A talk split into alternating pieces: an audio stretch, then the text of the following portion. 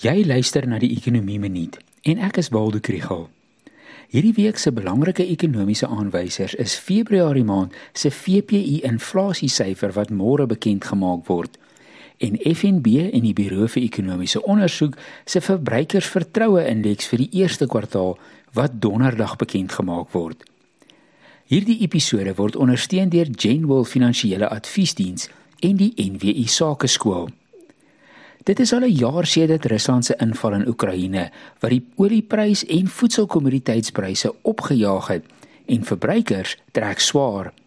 Van Februarie tot Februarie het die prys van die Pietermaritzburg Economic Justice and Dignity Group se basiese kosmandjie gestyg vanaf R2303 tot R2705.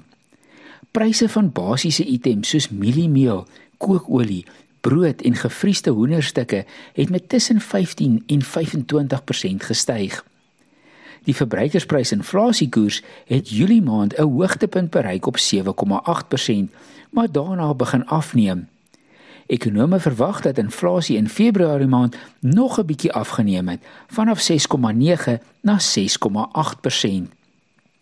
Nou wag ons vir die impak van die basiseffek maar dit gaan eers in Maart maand se syfers sigbaar wees.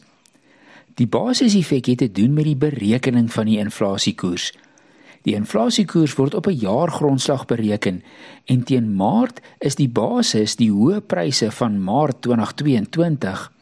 Dit gaan help om die koers van verandering te verlaag. Byvoorbeeld, as 'n prys met R10 styg van R100 na R110, is die koers van toename 10%.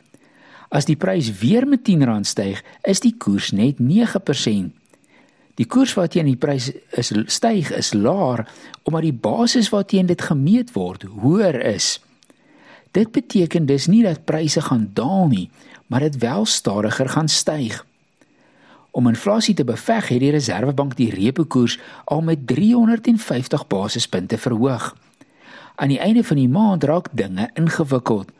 Waar staan kerninflasie en gaan die Fed net met 25 basispunte beweeg?